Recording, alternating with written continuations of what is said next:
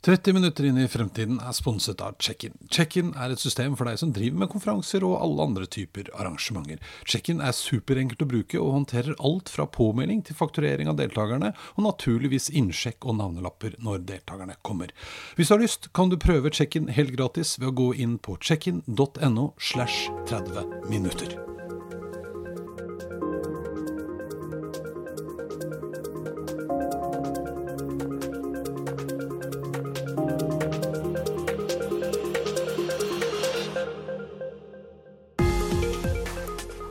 Bransjer og kompetanse blandes sammen som aldri før. En som har stått midt i dette i flere år, er Kristoffer Nøkleby. Kristoffer har en master fra BI, men har gjennom hele sin karriere jobba med alt det nye som har skjedd i kjølvannet av digitaliseringen. Reisen starta i PR-verdenen, hvor bloggerne, eller det vil si det vi kanskje kaller influensere i dag, gjorde sitt inntog via digitalisering av bilbransjen til retail og konvertering og kundeopplevelser i Accenture. I dag er han ganske fersk sjef i designbyrået Bleed, og vi snakker bl.a. om hvordan design ikke lenger bare er design, men også favner om mye, mye mer. Dette er 30 minutter inn i fremtiden, og jeg er Eirik Normann Hansen. Hallo, Kristoffer. Hei. Velkommen til meg. Tusen takk for det. Du, endelig fått lurt deg opp bakken her sånn.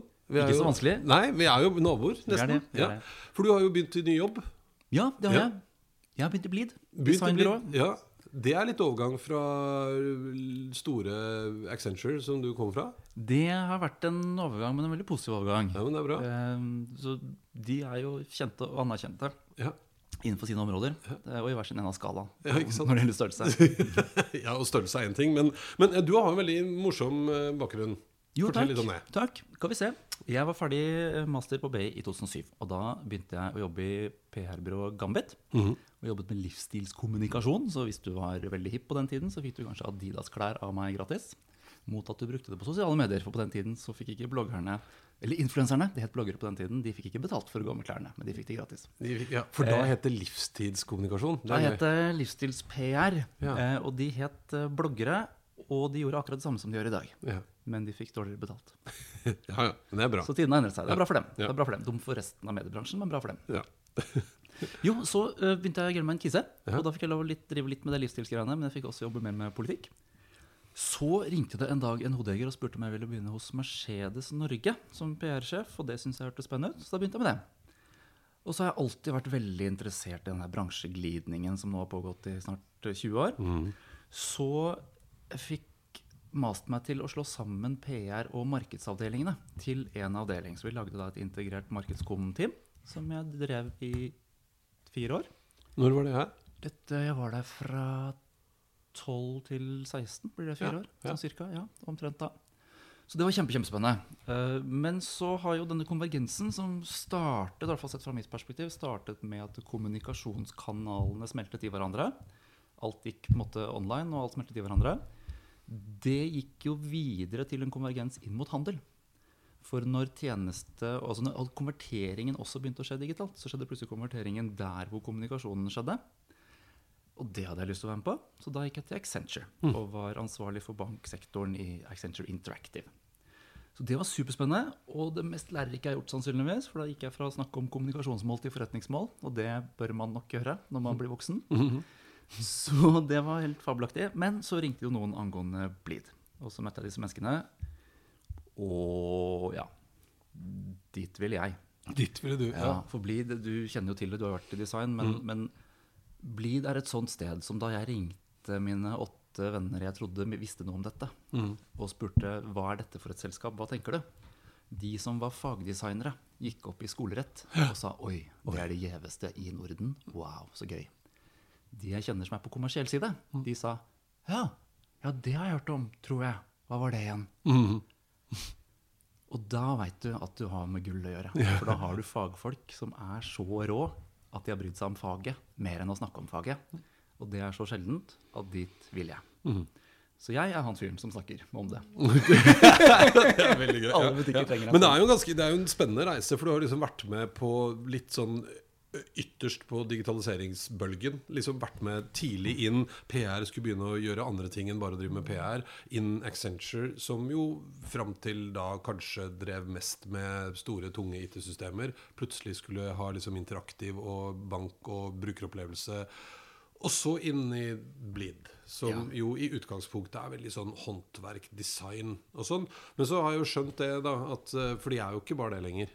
Nei, altså Blid er designhåndverkere, men flaten de jobber på, er digitale.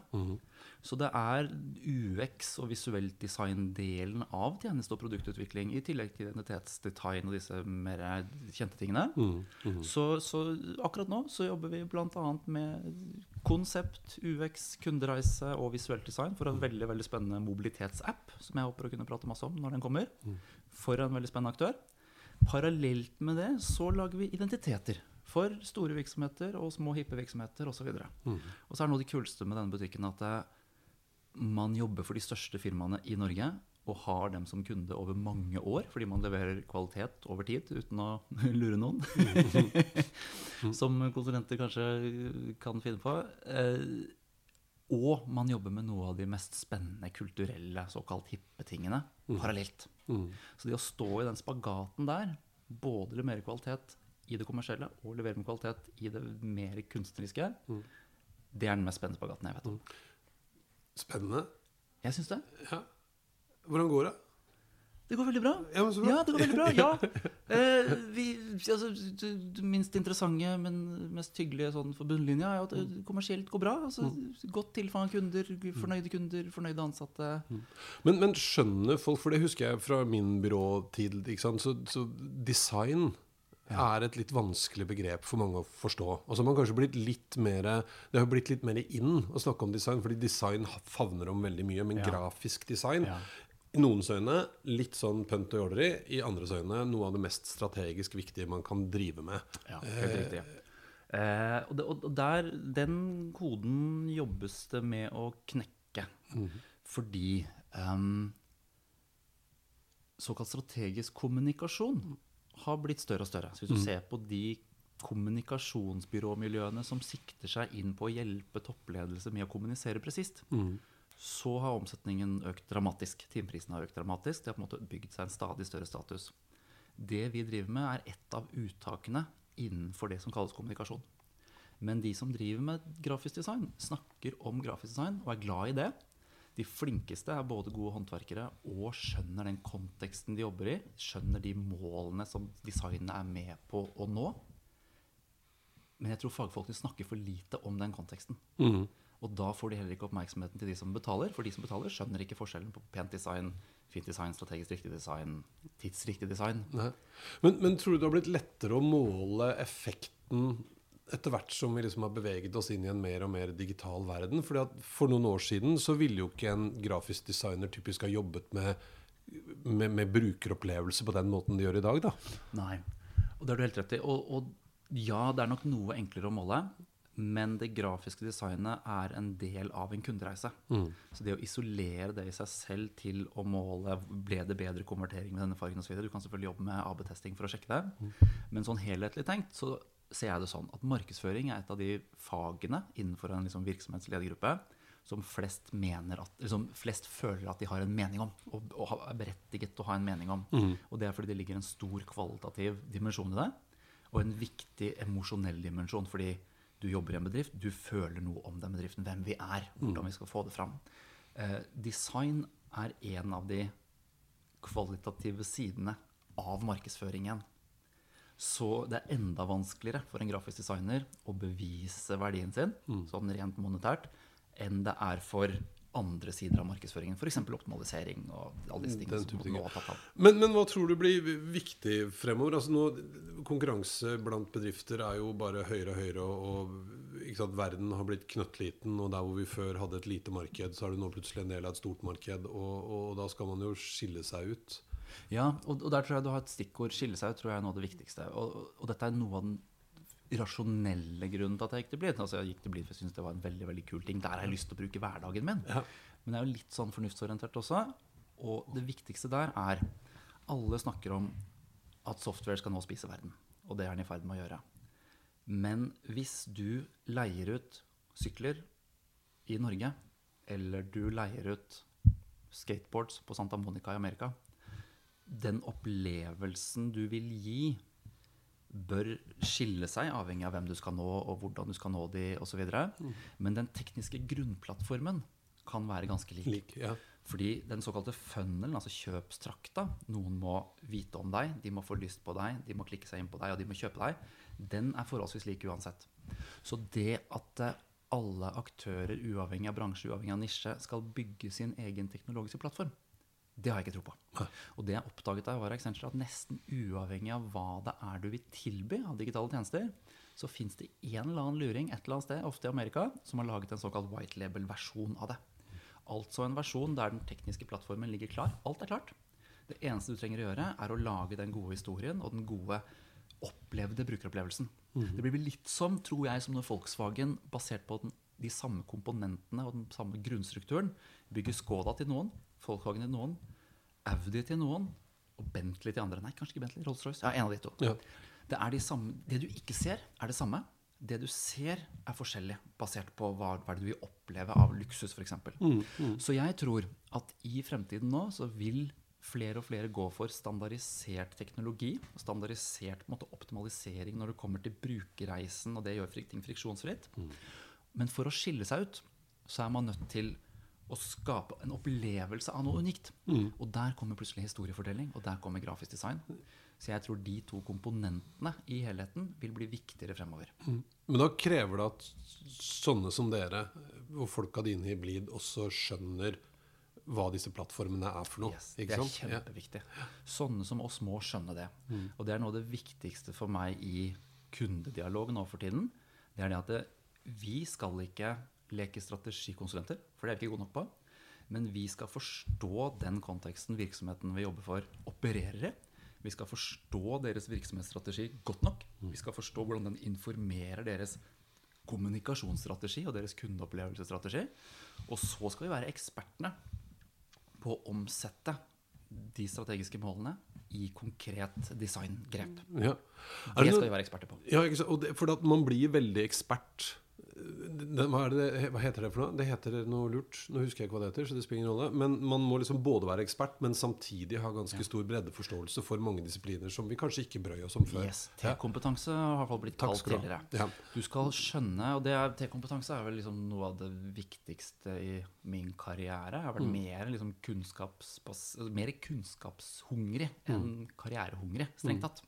Så når jeg har gjort disse grepene i stedet for å på en måte strebe etter en karriere innenfor et fag, så er det en måte hoppet til et annet som er tenderende, men noe annet. Mm. Og det handler om nettopp T-kompetansen. Og jeg tror det blir viktigere og viktigere og viktigere. Og der kommer da det. Konvergensen vi har sett i kommunikasjonsdisiplinene og de digitale disiplinene, gjør at flere og flere ønsker å bli veldig store for å levere alt. The power of one er det mange bedrifter internasjonalt som, som snakker om. Jeg har ikke tro på det.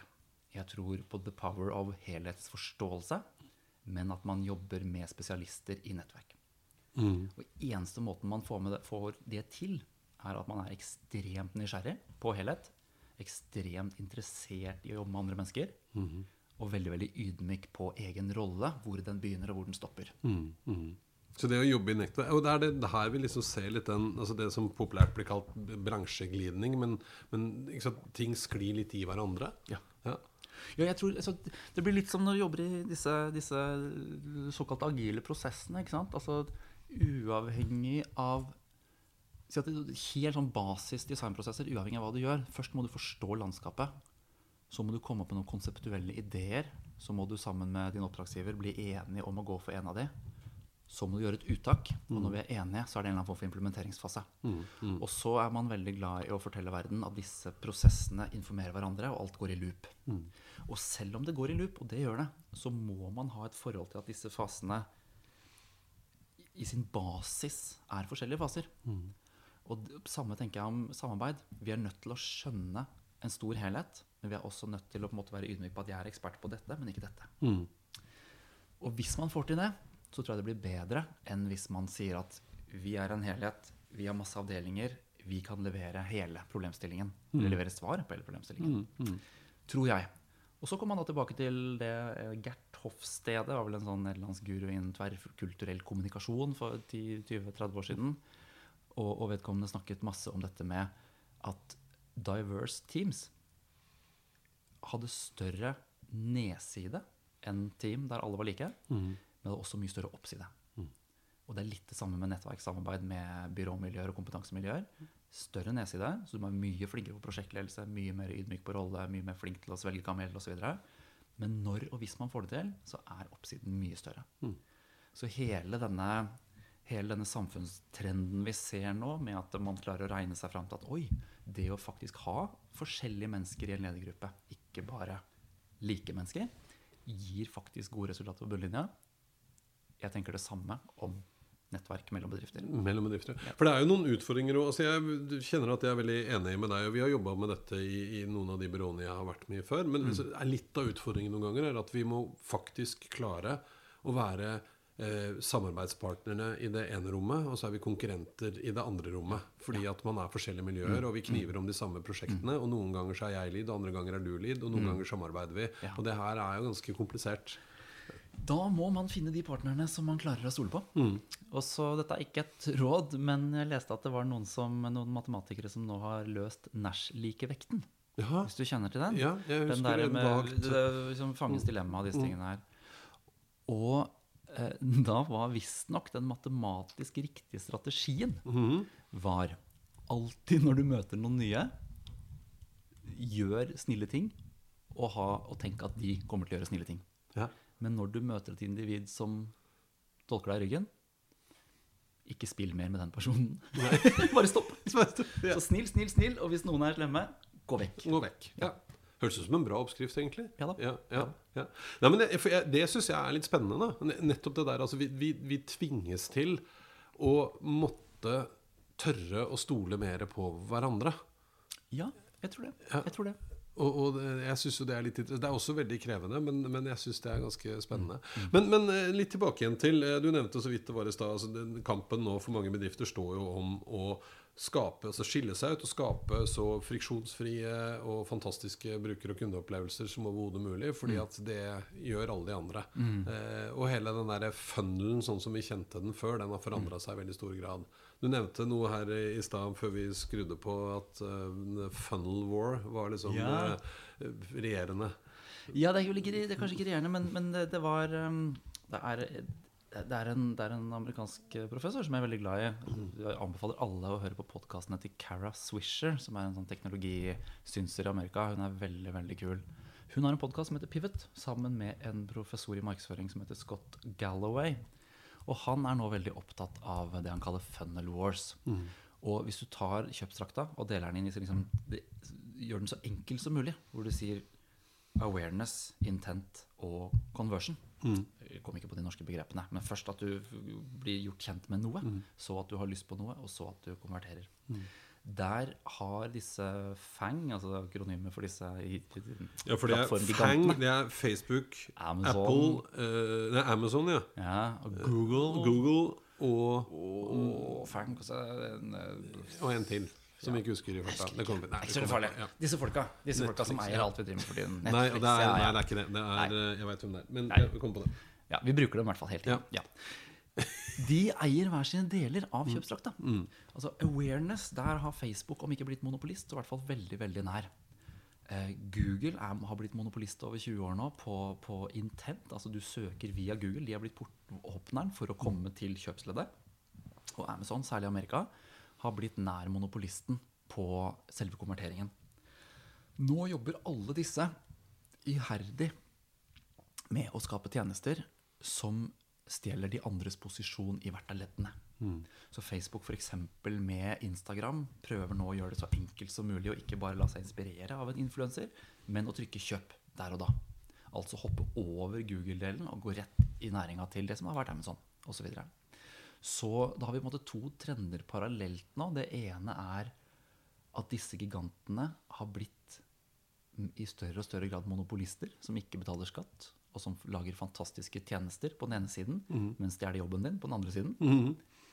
Og så har du nå ser vi amerikanske myndigheter har begynt å gå disse i sømmene. og Vi får se hva som skjer med det. Parallelt med det har de et bikkjeslagsmål seg imellom for å gjøre disse effektene enda større. Ved å begynne å ta hverandres posisjoner i den såkalte kjøpsdrakta. Så hva utfallet blir her, veit jeg ikke. Nei. Men rent faglig er det uhyre interessant å se på. Ja, for, for det er jo noe med ikke sant? Det er veldig fort gjort å tenke som, som forbru eller bruker da, at det er jo egentlig ganske deilig at det fins én aktør. Eh, Ikke? Sånn som Google, f.eks. Jeg har ett sted å gå, jeg kan søke der, den finner alt i hele verden, den funker kjempebra, Ja. og jeg får den hjelpa jeg trenger. Ja. Noen av oss, mange av oss husker jo hvordan det var. Du gikk inn på en sånn startstide, og så var det 28, kanskje ikke 28, men i hvert fall veldig mange søkemotorer. Og det var litt avhengig av Hvis jeg skulle søke til norsk, så måtte jeg på Altavista Nei, det heter den ikke. Hva heter den for den? Den norske. Den fins jo ennå. Du Eh, startsiden? Ja, nei, men den søkemotoren, den het jo eh, Fy faen, i dag er det ikke bra med hukommelsen. Den het eh, Ja, ja, ja. Det, en, eh, ja, ja det, der ser du, oss. Jeg er jo mye eldre enn deg. Den eh, skal jeg også Kvasir. Ja, den husker- ja, Kvasir, ja. Kvasir. Det var Kvasir, liksom den norske. Kvasir. Jeg husker ikke, jeg vet ikke om du sier Kvasir eller Kvasir. Ja. Og så var liksom eh, Yahoo veldig Ja, gode på er finansnyheter. Og så Ja, ja. var eh, Jeg husker ikke Alta Vista på. Jeg husker ikke om det var sånn det var. Men, men det er veldig deilig Det er veldig deilig. At man har én. Og så er det det samme med sant, Facebook, og så er det det samme med, med de andre. Ja. Eh, men så tenker vi kanskje ikke på den derre monopolistfaren, da. I den grad det er en fare. Tror, blir det like skummelt denne gangen? som Om det er fare, ja? Å ja. Oh, ja, er du gæren? Ja. Ja, altså, altså Alle som har åpna en bok i, i samfunnsøkonomi, har jo da blitt eksponert for dette med eh, infrastruktur versus tjeneste. Mm. Infrastrukturen er det som skal til for å levere tjenesten, men selve tjenesten er tjenesten. Mm. Hvis du eier begge deler, så er du i en posisjon hvor du fort kan bli monopolist. Derfor, og, og det, det drøyeste liksom, tidlige eksempelet var jo jernbane og olje i Amerika for er det 100 år siden, eller 120 eller 130 år siden. De som eide disse monopolistbedriftene, ble datidens eh, Zuckerberger. Og alle som jobbet for dem, fikk stadig dårligere lønn. Og det kom til et kokepunkt der myndighetene var nødt til å si dette bryter vi opp. Mm. Du kan enten drive med infrastruktur og være ganske tungt regulert, og så kan du få lov å drive med kapitalismens eh, ja, bikkjeslagsmål mm. på tjenestesiden. Og sånn må vi gjøre det. Og så har vi da kommet til eh, 2000-tallet, hvor disse gigantene har blitt nettopp det. De er både infrastrukturleverandøren, altså de er, de er den du må gjennom for å komme deg til den tjenesten du egentlig oppsøkte. Det er de som sitter på dataene som skal til for å lage de gode tjenestene, etc. Hvordan gjør man det da? Også tradisjonell, monopol, tradisjonell lovgivning for å ta aktører som blir for store og nærmer seg monopoler, er å se har de tatt for høye priser. Har de, altså, har de fått en markedsmakt som gjør at de kan um, ja, enten prise ut konkurrenter, eller, eller fordi de kan konkurrenter, ta for høye priser. Ja. Og det skjer jo ikke her. For her er jo tjenestene i stor grad uh, gratis. Mm. Så du får noe helt fantastisk av Google på alle mulige områder i form av tjenester. Men onkelen din, som hadde en god lønn som fotograf i lokalavisa, Ja. han har mista jobba. Ja. Og det er to sider av samme sak. Og hvordan gjør man noe med det? No, ja. Så jeg antar at eh, myndigheter, med mindre verden imploderer, selvfølgelig, så vil jeg anta at eh, myndighetene i land vi liker å identifisere oss med, kommer til å lage vår tids utgave av disse kjørereglene, Mm. som skiller infrastrukturen fra tjenestene, og som bryter opp de som allerede har blitt monopolister, til enkeltselskaper. ja. ja. Vil jeg anta. Vil, ja. Og det- er jo spennende å se, for det er jo mange områder hvor man har liksom i, internasjonalt også etablert eh, samarbeidsavtaler og reguleringer av markeder for å unngå at sånne ting skjer. Mm. Eh, og så ofte så handlet det om å liksom skape lag, så, sånn at du fikk tid til å publisere filmen i Europa, Ja, den som ja, var ja. produsert Ja, i men, men det er jo også litt av problemet tenker jeg, med den digitale verden. Da, at uh, nå er det liksom egentlig ingen barrierer lenger. Nei, altså så fort, du kan, så fort du digitaliserer noe, et åndsverk, hva enn det er for noe, så kan det repliseres i det uendelige. Så, så, så det, det må tenkes om på nytt, på en måte. Ja, ja. så har jeg lest om uh, mer sånn filosofisk anlagte folk som har sånne ting som at ja, i si Google Translate det er én innsatsfaktor som er algoritmene. Noen veldig veldig kloke mennesker har laget dem, kommet på ideen osv. Det må de få betalt for. Men råstoffet som ble brukt for å faktisk klare å oversette, er jo summen av alt skriftlig åndsverk som menneskeheten har laget på de aktuelle språkene, opp til det punktet der algoritmen fant dem. Og da er spørsmålet Si at eh, Google tjener bare finner jeg på tallet, men si at Google tjener eh, en milliard kroner i året på alle oversettelser som går fra tysk til amerikansk. Hvor mye av den milliarden er det moralsk riktig at Google får for det? Og hvor mye er det moralsk riktig at alle de som har skrevet noe og publisert det online, noensinne burde få? Burde egentlig kanskje 800 millioner fordeles Ja, en slags i sånn, noen små biter? ja, sånn tonoavgift til Tonoavgift for åndsverk er Ja. Det er- rett og slett helt riktig. Ja, ja. Hva, hvordan kan man lage tonoavgiften worldwide Mm. Ja. for innhold på nett? Den type tanker. Jeg har ikke peiling på hvordan man gjør det i praksis. Nei, for jeg jeg var jo med på dette bokprosjektet om AI og juss. Ja, ja, og da ja, ja, ja. var det noen interessante eh, tilfeller der hvor man nå faktisk opplevde eh, kartellvirksomhet som ikke var tilsiktet. Da. Fordi at to aktører lagde en eh, prisrobot Ja. som skulle overvåke markedet Ja. eh, for å sette riktig markedspris i forhold til konkurrentene. Ja, Så begynte de to bottene å samarbeide. eh, for de finner hverandre, de finner hverandre.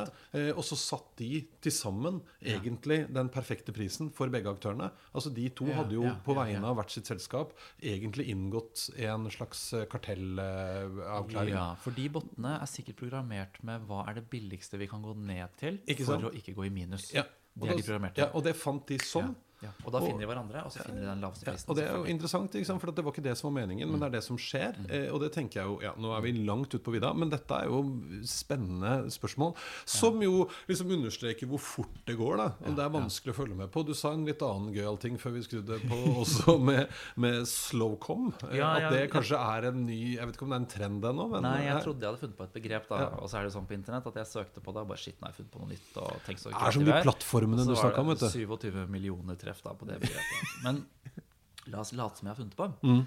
Eh, det har nå i en eh, 100 år eller et eller annet, eller sikkert lenger enn det Mm. men i 100 år så har antallet kommersielle budskap du blir eksponert for, gått opp og gått opp og gått opp og gått opp hvert år. Mm. Det vil på et tidspunkt bli for mye. Mm. Og da er spørsmålet hva skjer da?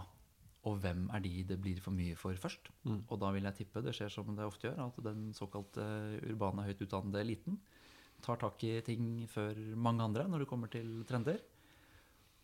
Så spørsmålet er hvor stor blir den nisjen om fem år? Som sier nei, nå har jeg logget av alle sosiale medier, jeg har sluttet å lese dagspresse, jeg leser kun ukespresse, og jeg vil ha budskapene mine porsjonert sakte ut. Altså må du velge på forhånd hva slags type budskap er jeg interessert i. For du må jo, du må jo liksom narrow down voldsomt. Og så er spørsmålet hvordan når man disse. Og jeg har ikke peiling, og jeg tror ikke trenden er der enda i det Nei. hele tatt, men jeg tror den kommer. Ja. Så slow comes. Slowcoms? Ja. Jo, men man hører jo om sånne altså sånn digital detox, og man logger seg av og orker ikke, og skrur på filteret for å ikke bli bombardert med mer enn nødvendig. Yes. Eh, Jeg leste også en veldig morsom artikkel, det var vel Forrester jeg fant den hos, tror jeg, som snakker om eh, fremveksten nå av kunstig intelligensbaserte digitale tvillinger. Og da ikke Ja. digitale tvillinger som man har brukt en stund for å simulere bygg og situasjoner, men jeg lager en kopi av Eirik Ja. som etter hvert lærer seg å kjenne hvem jeg er, hva jeg liker, hvilke verdier jeg har, hvilke preferanser jeg har, alle de tingene. Ja. Fordi at alt det du snakker om, altså du blir bombardert med ting hele tiden som du skal ta stilling til, det fikser den isteden. Ja. Og den klarer det, for jeg klarer det ikke. Eh, og det er jo litt interessant. Og så kan jeg liksom bare logge av, kan ha sånn gammeldags telefon, og så lese avisen en gang i uka og sånn. Og Resten tar den Og nå slo det meg hvordan en sånn fremtidig sjekkemarked-greie kan være. Se for deg at du får laga en sånn digital tvilling, og du får en chatbot API på den. Ja. Og så er det sånn Ok, nå har jeg valgt Her er de fem beste trekkene mine. Mhm. Nå skal du kun kommunisere de. Og så skal du ut på sosiale medier og hva enn man sjekker folk på på den tiden. Og så skal du bare være den beste versjonen av meg. Ja. og hanke inn folk Ja, ja. som jeg kan møte i det fysiske. Ja, ja, og de kommer bare og ringer på, for det er matcha. For de har jo også Ja. sånn. Ja, nettopp, nettopp, nettopp, ja, så det er ikke noe problem. ja. Du får levert Og da blir du skuffa når pakka kommer. ja, Og pakka blir skuffa. Ja, Alle blir skuffa. Ja. For det er jo noe med Jo, men ikke sant, og det er noe eh, For Vi snakket om det også i forhold til denne funnel-våren. Eller det spiller ingen rolle. Nå går det så fort. Det skal være friksjonsfritt og sømløst. Man vet at man jobber med å liksom Amazon ta bort kjøpsknappen. Eh, Jeg bare ser på en vare, og så skjønner de at jeg vil ha den, og så kommer den i posten. Nesten. Ja. Eh, Og, og, og da leste jeg om noen som har laget et, eh, en tjeneste som heter Jeg tror den heter Put it on ice. Ja, ja. Det er veldig gøy. Er som veldig er en plug-in til Chrome, tror jeg foreløpig. Hvor du da, altså nettleseren din, Mm. hvor du da er inne på Amazon, driver og surfer, ser ting du har lyst på. Impulskjøper. For det impulskjøping det har blitt et mye mye større problem nå enn det det var før. Ja. De påsto der det var en amerikansk undersøkelse, men et gjennomsnittlig impulskjøp eh, var på over 80 dollar. Og da begynner det å bli ganske mye penger. Ja, det er mer enn den tyggisen folk kjøpte før. Ikke sant? Og da, men når du trykket på knappen nå, så var det ikke en kjøpsknapp. Det var en put it on ice-knapp. Og da ble den liggende på en liste. Og så lagret der en uke. Og så uka etter Ja. så fikk du spørsmål om du Denne sa du at du hadde lyst til å kjøpe forrige fredag. Altså, så I takt med at verden blir friksjonsfri, så er det noen som nå begynner å skape friksjon. fordi at vi trenger å trekke pusten litt. Ja. Og den, denne konvergensen vi har snakket om, sant? hvor kommunikasjonskanalene konvergerte i det digitale rommet, og så har dette konvergert med det kjøpsmessige. Jeg husker ikke hvor mange år siden det er, men det var jo på et tidspunkt Gmail som introduserte en sånn knapp. At eh, du sender en mail, og så er det en del folk som da angrer veldig, for de har skrevet noe de ikke burde skrevet. Så hadde de en sånn 7-10 sekunders lag på det, så du kunne trykke 'angre'. Ja, ikke Så du trykker 'send', Ja. men så dukker det opp en angreknapp, og den er der i noen sekunder. Jeg mener det var Gmail som kom med den, og det er ganske mange år siden. Ja. Så det der har selvfølgelig da blitt et behov på det konverteringsmessige, altså det å kjøpe. Ja. Fordi det har blitt så himmellig enkelt. Men da har du også den motsetningen. Ikke sant? Vi legger til rette for som kommersiell aktør at det skal være så enkelt å kjøpe og så friksjonsfritt som overhodet mulig. Som kanskje er litt dumt for meg som konsument, fordi at Oi, nå har jeg kjøpt den, ja. Og så kommer den jo faktisk på døra i løpet av to timer hvis jeg bor på riktig plass. eh, det kanskje er lurt å, å få Og en sånn, sånn digital versjon av meg selv da, som skal passe på at uh, det er lurt å vente. En digital overformynder. Ja. Ja. Jeg tror jeg trenger det innimellom. Ja, det jeg, jeg kjøper mye du ikke trenger. Eh, jeg føler selv at jeg kjøper veldig lite. Mm. Eh, men når man ser bakover, så har jeg nok kjøpt flere klær på boost.com det siste året enn jeg kjøpte året før. Ja. Ja, ikke sant? Ja. Så det er helt reelt, dette, ja. Ja. Ja. Men, men for det også leste jeg en ganske spennende artikkel om nå. Allerede nå begynner man å se nedgang i omsetningen til Altså i handelen, da. Fordi at Den fysiske handelen? Ja, ja men også online-handelen. Fordi at folk nå, og særlig yngre mennesker, er veldig bevisst på at nå skal vi forbruke mindre. Ja, og så gjenstår det å se om Ja. dette blir liksom en bærekraftig trend, eller om det bare er et blaff. Men det mye tyder jo på at nå er det alvor. Ja, ja. Eh, og det er klart at hvis en milliard unge mennesker kjøper én genser mindre i uka hver. Så er det en milliard gensere. Det blir penger av slikt.